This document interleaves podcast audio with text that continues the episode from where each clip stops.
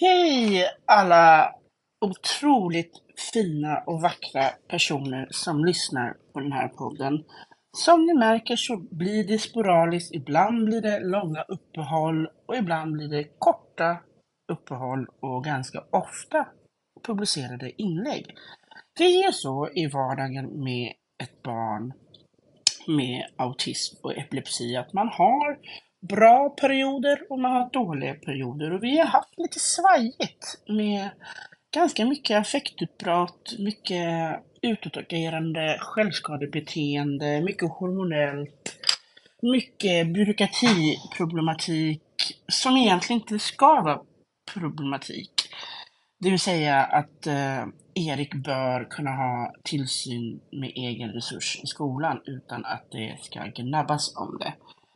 Är det så att man behöver det så ska man kunna ta det beslutet tillsammans eh, utan att man blir totalt eh, tysthetskultur över det hela. Jag accepterar inte att det sker överhuvudtaget och jag vet att hela enheten eh, och hela samhället vet att jag vet alla kryphål och alla lagar. Så att nu är vi igång i rullningarna eh, och höstterminen har dragit igång. Och med det sagt så hoppas jag att Erik hösttermin blir en fantastisk termin. Eh, vill bara påpeka att eh, med tanke på hur vi har vår situation så bör han ha en egen resurs en kort tid. Men det visar sig och ser om det fortsätter med tysthetskultur eller att det är kirrat och klart när skolan drar igång. Nu är han i alla fall i byggnaden i skolan och är där på fritids. Och det känns skönt. Det är någonting han har saknat. Så är det ju skolan och ja, det finns jourfritids. Eh, vi hade lätt kunnat placera båda pojkarna där, men med, med tanke på hur miljötrygg Erik är så funkar inte det. Så han är ledig under tiden skolan är ledig och har sommarlov och semester. Eh, men nu är han tillbaka och han var överlycklig att se sina kompisar i klassrummet det som är så bra med Erik skola och Erik klass och fritids är att det är samma lokal som både skolan sköts ifrån och då är det typ också då fritidsdelen på samma sal så att säga. Och det är otroligt skönt. Eh, jag kan ju också tillägga att jag och Jens har inget agg, men vi blir förbannade när tysthetskulturen kom efter vi hade Eh, möten i, med olika enheter och enheten frågade om det fanns möjlighet till egen resurs. Jag anser att det har, alltså det har blivit väldigt korkat beteende gentemot oss och det, det, det tar jag inte. Eh, så jag hoppas som sagt var på en otroligt bra och fantastisk höst nu för Erik. Men jag sitter här med alla papper som måste fyllas i, alla läkarbesök som måste dubbelcheckas. Eh, för det är ju så att Erik har ju då epilepsi som ni vet. Och då händer det saker eh, i kroppen, mellan varven, eh, hormonellt. Och ibland måste man öka doseringen och ibland måste man minska. Och vi var faktiskt på G att liksom minska medicineringen för han, han hade inte haft en enda kramp och så kom han in i lite förtidspubertet och det började spritta i kroppen hormonellt. Han började gå upp i vikt, därav att vi också började gå hårt på att vi låser dörren här hemma. Vad är det som händer med hans viktuppgång? Eh, han följer dock, dock med stora bokstäver, så följer han enligt kurvan helt okej. Okay. Det är okej, okay, men den får absolut inte skena iväg mer. Uh, så att här gäller det verkligen att vi måste ha ett liksom fit for fight samarbete med skola och fritids. Eh, uh, kommentarer om att han inte får saker, att de inte hinner med, det tar jag inte. Och är det liksom så enkelt att jag måste skicka dit högre uppsatta chefer och titta och granska så gör jag det. Eh, Erik får inte gå upp mer än det han har redan gjort. Eh, för då riskerar vi diabetes 2 och det är väldigt jobbig process för honom. Eh, det är att ha en insulinpump på armen eller på låret eller liksom magen beroende på vad de tänker sätta den om det skulle bli aktuellt. Jag säger om, inte att det är. Men han är under den besiktningen, att liksom, uppsikten, inte besiktningen, men under den här uppsikten att han är väldigt nära till att öka ännu mer i vikt och det har med både medicineringen och hormonellt. Så ja, jag vet inte riktigt hur jag ska nå fram för att få dem att fatta. Och är det så att jag måste ta i hårdhandskarna med att det är kameran uppifrån och sitter och studerar hur de gör, ja, då får man väl göra det. Men det ska inte behöva gå så långt. Det ska liksom funka, det ska vara utan problem. Det ska inte vara snack om saker när jag ger instruktioner, eller ens för den delen. Eh, Sen har ju jag kontakt med alla enheter och de kan peppa och stötta, och vilket de gör. Otroligt fantastiskt jobb. Vi har ett otroligt bra läkarteam runt omkring Erik. Och det är ett fantastiskt eh, samarbete och samförstånd. Eh, mycket är många års eh, historia. Och det är där jag också känner att vi måste enas om att vi måste vara eniga alla individer som har med Erik hälsa att göra. Så här sitter jag nu och roddar med olika saker och jag har insett att vi har kommit så långt där pappa Jens säger att vi måste få en avlastning där Erik kan gå på kortis, korta perioder, kanske efter skolan, några, några dagar i veckan. Ska försöka få in honom så han kan vara där en helg, kanske en gång i månaden. Jens sa egentligen att han skulle önska att Erik kunde vara där varannan vecka. Eh, men så tror inte jag riktigt att det funkar idag. Eh, jag vet ju att det finns klasskamrater som går på det kortiset som vi kommer ansöka till och jag vet att de bor där på helger ibland och ibland veckovis. Ehm, eller något liknande. Ehm, I alla fall så att jag kan trycka på på det sättet när de säger att eh, barn under 12 år brukar vi inte ha inskrivna så sova över i första hand. Nej, det förstår jag också. Men Erik börjar bli fysiskt eh, starkare för både mig och Jens att kunna hantera. Inte för att vi inte hanterar det, utan vi märker att här kommer råstyrkan mer och mer när han blir arg. Eh, vi kan parera när han slår och han kastar saker, men vi har en lillebror att tänka på. Och vi har framförallt Erik att tänka på. Han får ångest när han gör saker som kan leda till skada. Han får fruktansvärt ångest och det kan också eskalera till att eskalera, inte eskalera. Eh, eskalera till att han går in igen och försöker gilla sig själv. Vilket vi absolut vill förhindra. Det är samma saker liksom med hans utbrott. Att ser man på typ ungefär att det här kan vi resonera, då gör vi det. Men märker man att det är låsningar så är det ingen idé att ens diskutera med honom. Och det vet jag att det är miljontals föräldrar runt omkring i världen som håller med mig att när de väl är i, in i mood, då är det beyond att kunna höra vad vi säger. Men däremellan så sätter jag ord. Här var det impuls. Erik, tänk, nu kommer det impuls här. Ta det lugnt. Stoppa den. Man kan hjälpa honom om man kan tyda honom på rätt sätt.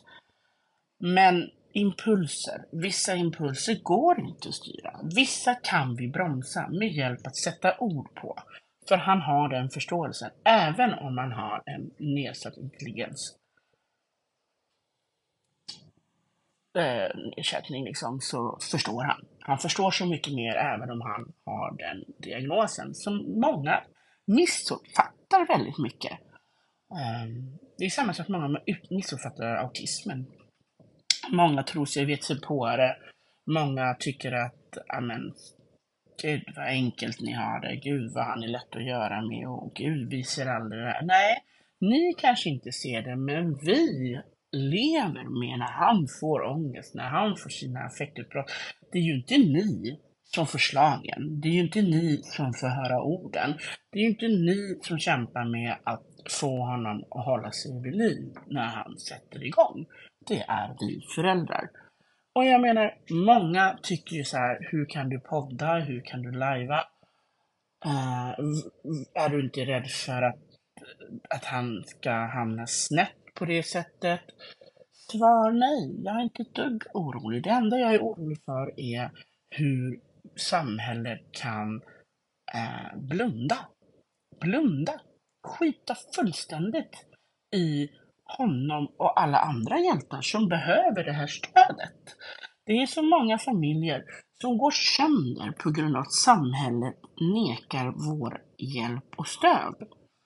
Det enklaste vore ju att de öppnar upp som det har varit en gång i tiden, det de slopade. Familjeassistanspengen borde komma in. Det innebär att när barnet eller ungdomen kommer hem från skola eller aktivitet eller jobb så tar föräldrarna eller en anhörig över och får en lön för dels att man tar hand om barnet. Det vill säga, jag kan få en lön att ta hand om Erik eh, från han kommer hem från fritids tills han lägger sig. Eh, och det är någonting jag inte fattar att man slopade. Så regeringen, ni borde tänka om.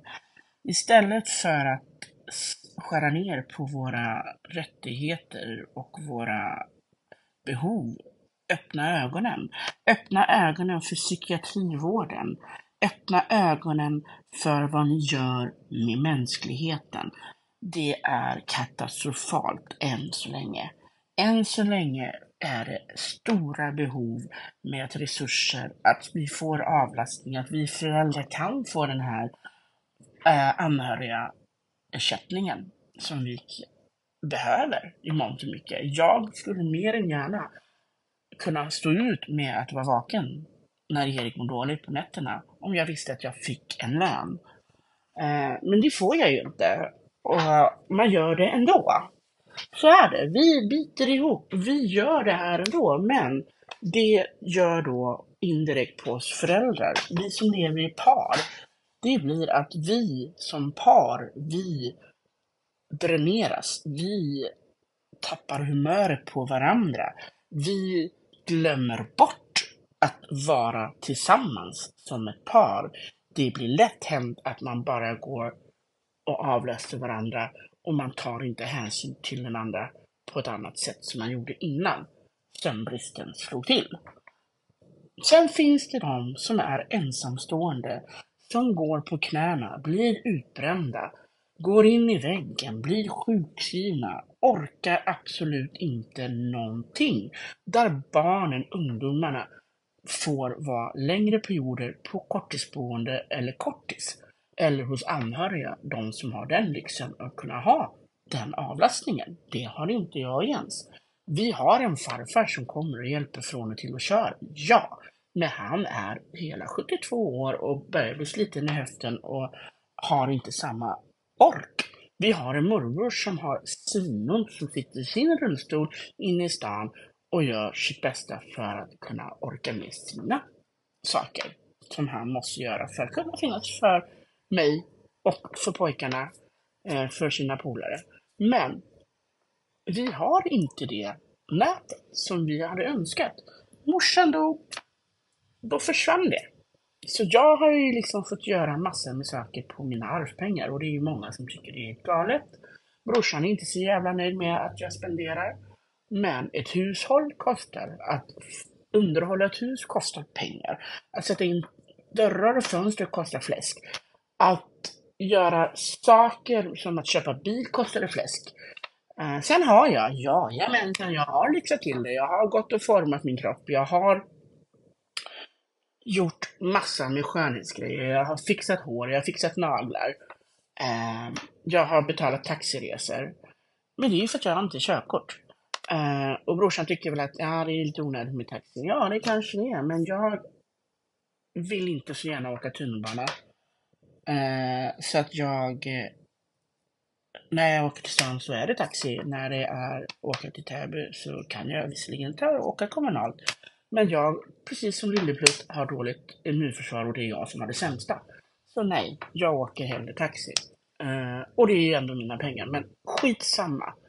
Saken är, regeringen, kom igen, vakna till liv, satsa på mänskligheten, satsa på våra fantastiska barn med eller utan diagnoser. Se till behoven som behövs. Bemöt oss föräldrar där vi ber er att bemöta oss. Skär inte ner. Det är inte okej. Okay.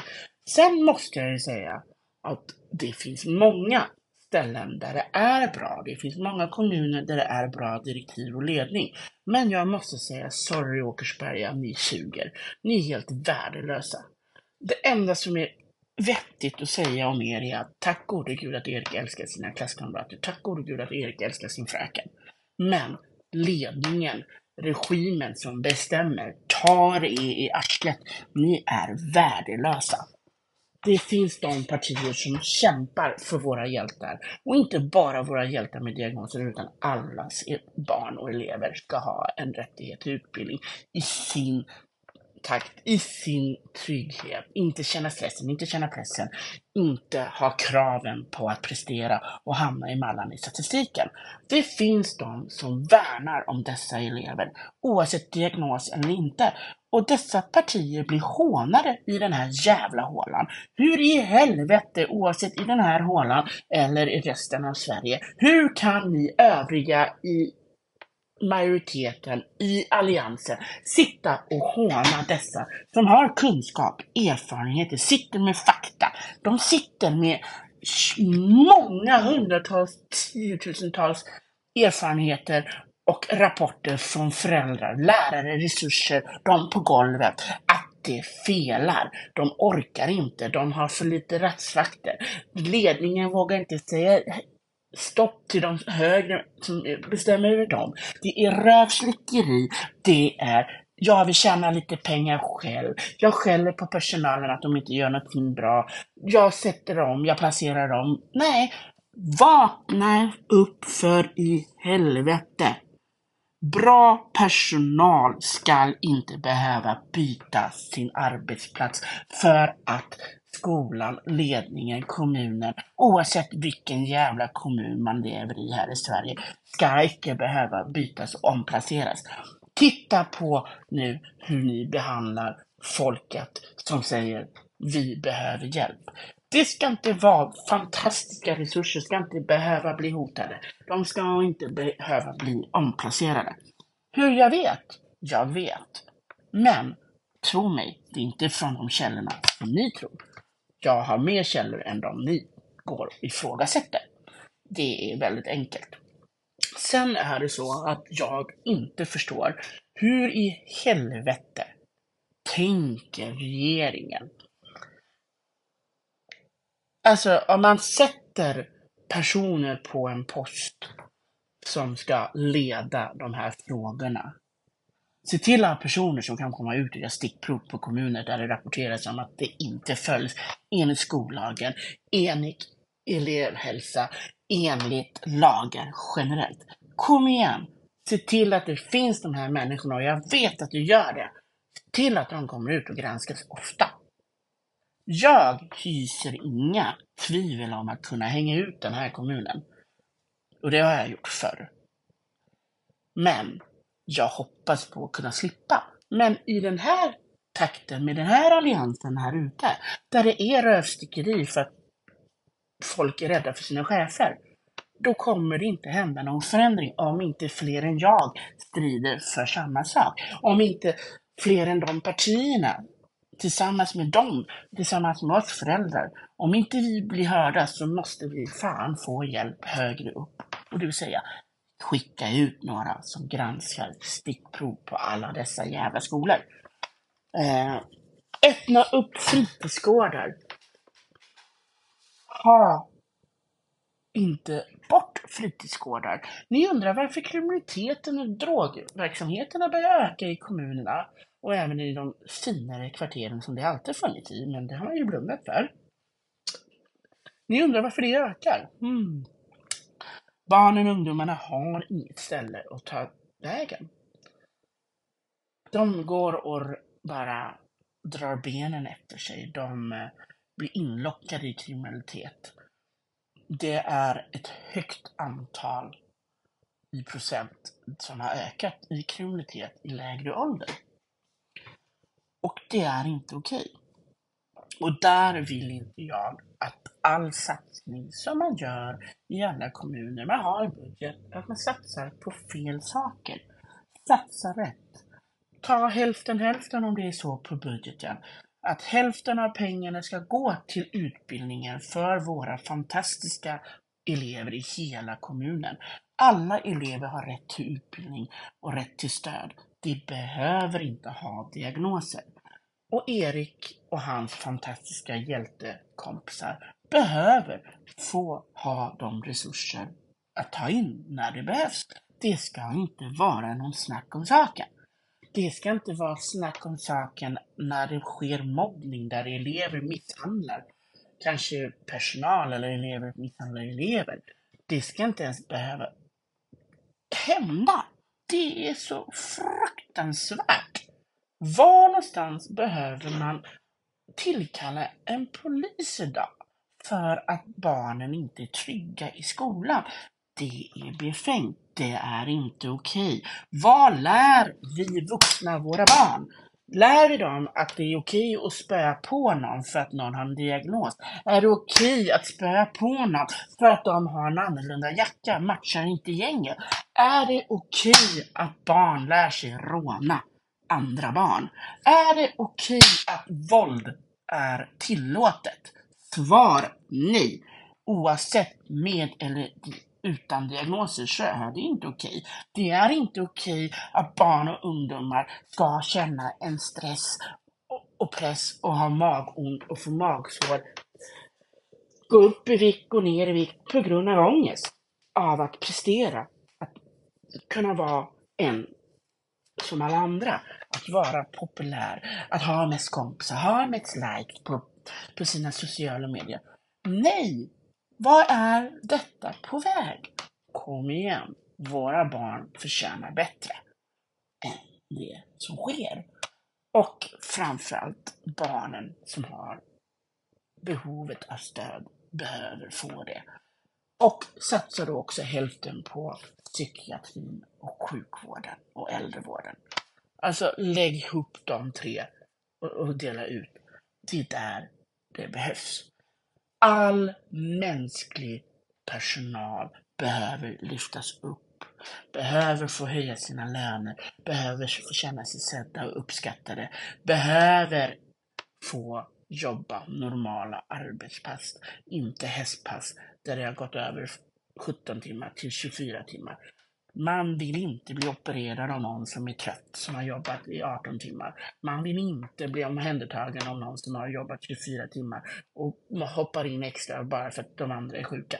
Man vill ha pigga sjukvårdspersonal. Man vill ha pigga räddningspersonal. Man vill ha pigga äldreomsorgspersonal. Så enkelt är det. Så kom igen regeringen, satsa rätt. För guds skull. Ja, nog om det. Eh, Erik i alla fall har haft en relativt bra sommar ändå. Han har haft sina utbrott eh, på det sättet att han vill skada sig själv och han säger att han vill dö. Han ska tydligen dö nästa år för han ska dö när han är tio. Och det har vi fått höra nu i cirka en och en halv månad och det tär på oss. Det tär och det gör ont och det skapar oro hos lillebror. Det skapar självfallet jätteoro hos mig och Jens. Men vi har ett bra team. Vi har bra psykologer. Vi roddar. Vi pratar. Vi gör allt som vi kan göra. Och mer än så kan vi inte göra. Och med det sagt så vill jag påminna alla er som känner er värdelösa som föräldrar. Hur kan jag inte ens nå min unge? Jag orkar inte, jag är dränerad och ungen mår dåligt, eller ungarna. Ge dig själv lite beröm va? Du gör det bästa du kan. Du säger saker för att tala om vad som kan hända. Du peppar, du stöttar, du kramar om, du tröstar. Du tar hand om tvätt om det hänt olyckor på natten. Du tar hand om sårpåläggning, du tar hand om medicinering. Du roddar med alla läkarbesök, du roddar med alla skolproblematik. Du roddar mellan kompisar, du roddar mellan syskon.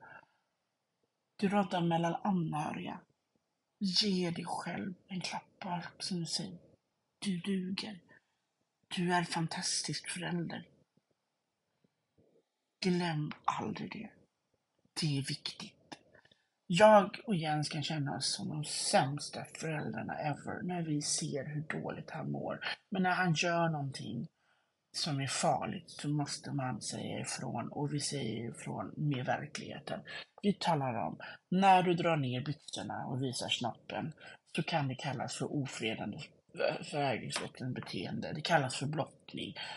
Då kan du få fängelse när du blir äldre. Det är inte okej. Drar du ner byxorna och visar rumpan och snoppen så kan pedofiler bli lockade. Och pedofiler är sådana äckliga gubbar och gummor, eller tjejer och killar, som vill leka med din snopp. Det är inte okej. Du kan fara illa ut. Vi är så pass raka i konsekvenshandlingar. Det finns inga krusiduller, det finns ingenting som heter att jag inte tänker tala om.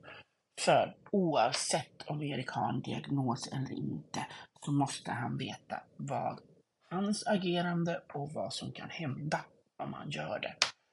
Det är inte okej. Det är inte okej att han skriker 'fuck you' till mig. Det är inte okej att skrika 'motherfucker' I'm gonna slap you in your face. What do you say bitch? Det är inte okej någonstans. Och det värsta är när han väl sätter igång med det så blir det tics. Likartade Tourettes tvång. Men än så länge så har ingenting indikerat på att han kanske har det, men vi vet ju, med diagnosen så kan det medfölja fler diagnoser. Men än så länge är det ganska hanterbart, men det är fortfarande inte okej att han säger det här. Det är inte okej att han tar av sig byxorna och visar snoppen inför hela jävla omgivningen oavsett om det är på studsmattan hemma eller när vi är ute och går på promenad. Det är inte okej att han slår mig eller Jens eller lillebror. Det är inte okej att han försöker strypa när han får impulser när han är arg och ledsen. Det är inte okej. Not whatsoever. Men vi måste gå ner och bemöta det utan alla gånger vara arg. Och det är en balansgång. Eller hur, gott folk? Det är en balansgång som heter Jag vet inte vad jag gör längre. Det är en balansgång där man känner sig helt utblottad. Man känner sig neutralerad. Man känner sig som den sämsta mamman eller pappan när man säger nej, nu fan får det räcka, nu går du ner på rummet. Och man stänger genom en timeout. Och det gör honom inte illa. Han blir arg, ja. Han skriker, han bankar, han slåss. Grannar hör ju honom. De hör när vi bara skriker och gapar på dem. Speciellt Erik.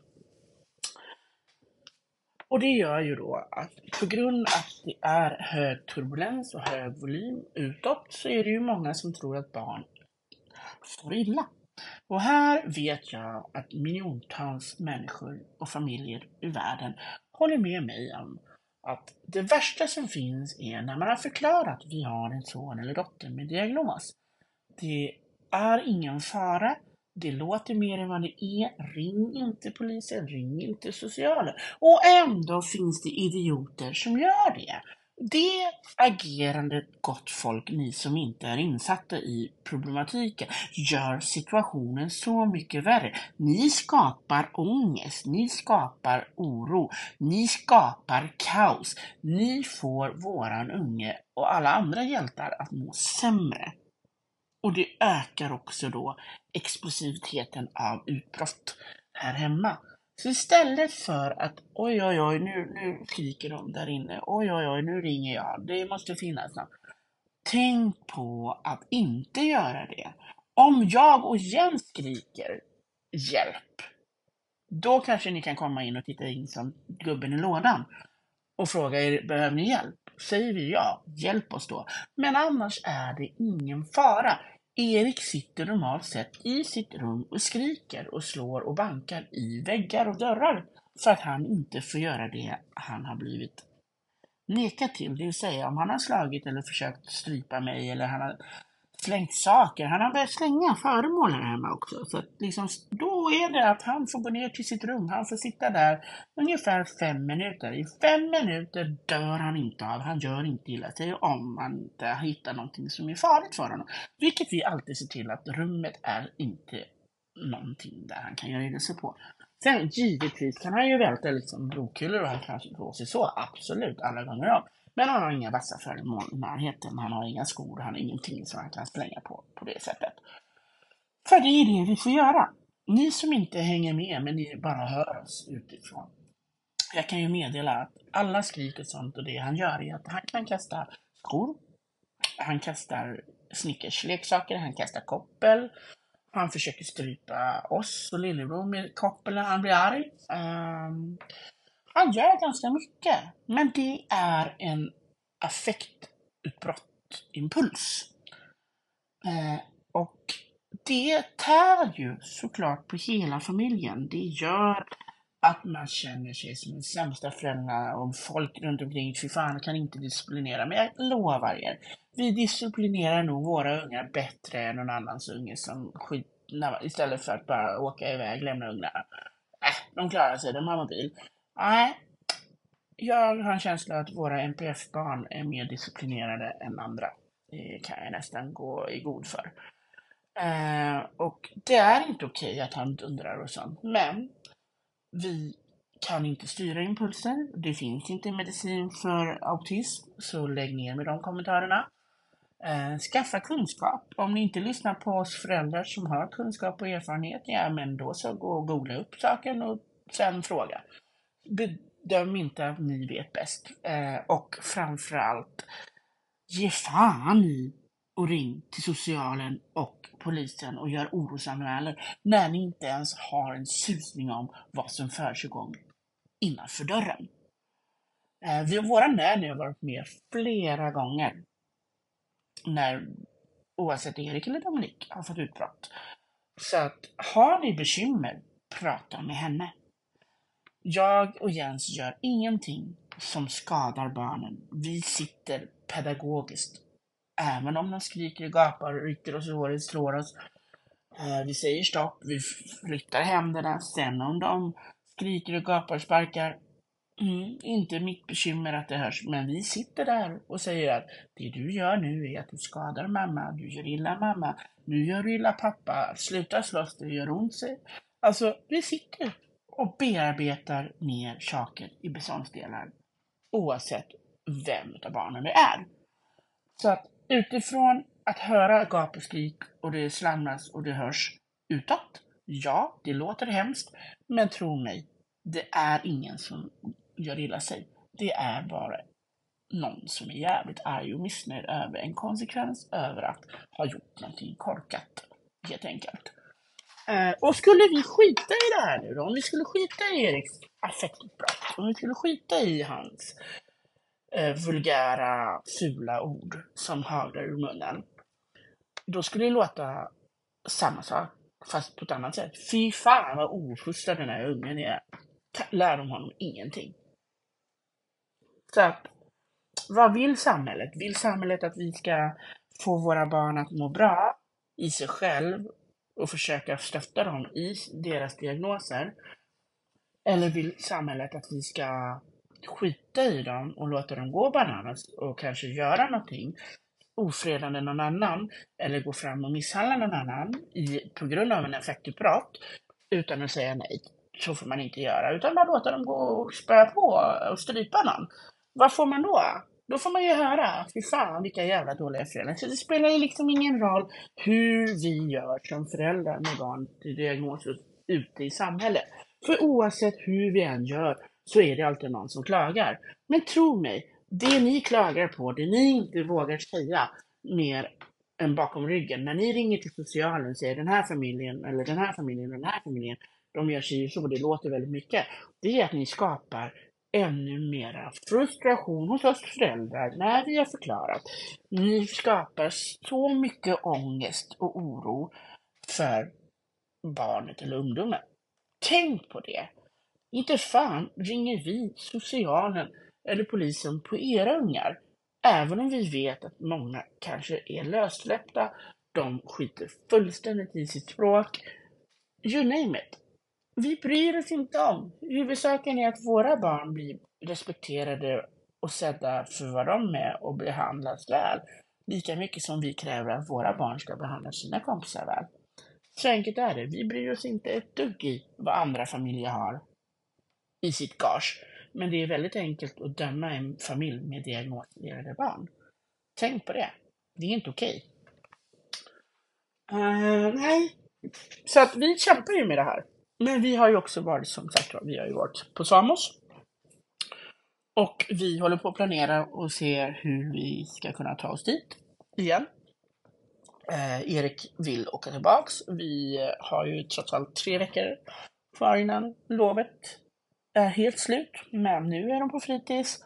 Och under tiden så ska jag och Jens eh, rodda med allt som vi måste rodda. Jag håller på att rodda med LSS-handläggarna och jag håller på med alla medicinska saker. Så det kommer vara mycket bollandes från och till i veckovis innan vi har kommit fram till ett resultat. Jag kommer att prata med specialistenheten eh, med barnobis och barndiabetes. Eh, så det kommer vara mycket ändå att göra nu när Erik är tillbaks på fritids. Bara för att han är på fritids innebär inte att jag tar det lugnt. Eh, och det är också sån där standardfras tror jag som vi mammor får av papporna. Ja men fan du är bara hemma och du gör ingenting. Ja men kom igen. Hur många känner inte igen sig där va? Då kan jag ju säga till alla er papper som är ute och jobbar och tycker att det är jobbigt att komma hem när ungarna skriker och gapar och en kära hälft ber om en sak och ni exploderar. Alltså, jag har jobbat hela dagen, jag är trött. Tänk lite på vad vi mammor gör då, då. Vi fixar allting med barnen. Vi fixar allting så att ni har det bra. Uh, vi fixar så att ni kan känna att ni slipper så mycket på ett sätt. Så nej, den kommentaren godtas inte i den här familjen i alla fall. Nej. Erik kommer ju då under hösten få genomgå en ganska många olika nya utredningar troligtvis. Och vi ska försöka ta blodprov på honom. Det har ju misslyckats nu då, två gånger, så att det kommer väl bli att vi måste planera om och han måste sövas för att ta det. Och det är hemskt. Eh, men han blir panikslagen, han blir Hulken. Trots två doseringar lugnande i kroppen så blir han Hulken och det har vi ju förklarat plus sköterskan som är van vid honom att det, eh, det var något nytt team äh, sist och de tyckte väl att det är bara att ge honom. Nej, det är inte bara att ge Erik. Istället för att man ska bli lugn på lugnande medel så blir Erik tvärtom. han blir Hulken. Så att, ja, nej, det gäller att vi planerar in tider där vi kan göra så att lillebror lämnas och jag och Jens tillsammans åker in och genomför och hjälper Erik igenom det här. Ja, så det ska bli intressant att se hur vi löser det. Men vi har som sagt tre veckor på oss innan skolan börjar och jag hoppas att under de här tre veckorna innan skolan börjar så vill jag ha tagit alla de här proverna som måste tas. Så det är det jag kommer sitta och rada med på dagarna. Och sen däremellan ska jag gå ut med Snickers som är så otroligt fantastiskt med Erik. Eh, hon har ett kynne utav, jag vet inte vad, men hon är helt fantastisk. Eh, Erik kan ha sina affektutbrott. Han kan göra så att han nyper henne och han eh, kan vara väldigt hård. Men vi parerar alltid och får bort henne därifrån. Men trots att vi får bort henne och vi lugnar ner Erik så är det så enkelt att hon lägger sig med Erik för att hon känner att han behöver henne. Och då kan man tänka då som djuraktivist och alla andra jävla idioter när det gäller djur. Så är det så här, hur kan du ha en hund med honom? Det kan jag tala om för er, för ett bättre psyke på hund har jag aldrig haft. Eh, han får absolut inte göra illa henne så hon tar skada. Det finns inte på den här kartan. Men liksom när han blir arg liksom tar tag kanske i hullet och nyper till. Det gör inte ont på henne. Tro mig. Eh, men vi säger nej. Och vi tar bort henne från den situationen. Men hon går alltid in tillbaks. För hon märker att Erik behöver lugnas. Och då har vi ofta sagt nej, du nyper inte Snickers, du får inte. Det ajar dig, det gör ont. Sluta. Kramas istället. Och så säger man, titta nu kommer Snickers igen, du får inte nypa henne. Då kommer han och liksom säger, förlåt Snickers. Så han har en medvetenhet efter en affekthandling. Så att jag är inte orolig för Erik på det sättet, men jag är orolig för hur samhället inte bemöter honom och hans villkor och hans behov. Och Snickers är en suverän vän i honom. Hon läser av innan han får kramper. När vi var cykla häromdagen, för vi har börjat cykla och träna Snickers med cykel, så skriker hon till stannar, jag stannar cykeln. Hon markerar genom att skrikskälla. Jag tittar på Erik, jag ser hur Eriks ögon rullar. Då så säger jag Erik, kom, vi sätter oss. Och så, så berömmer jag henne som bara den. Tre sekunder senare dalar Erik ner i min famn och får en kramp. Så fantastiskt läser hon av Erik. Hon är verkligen våran lifesaver när det gäller honom.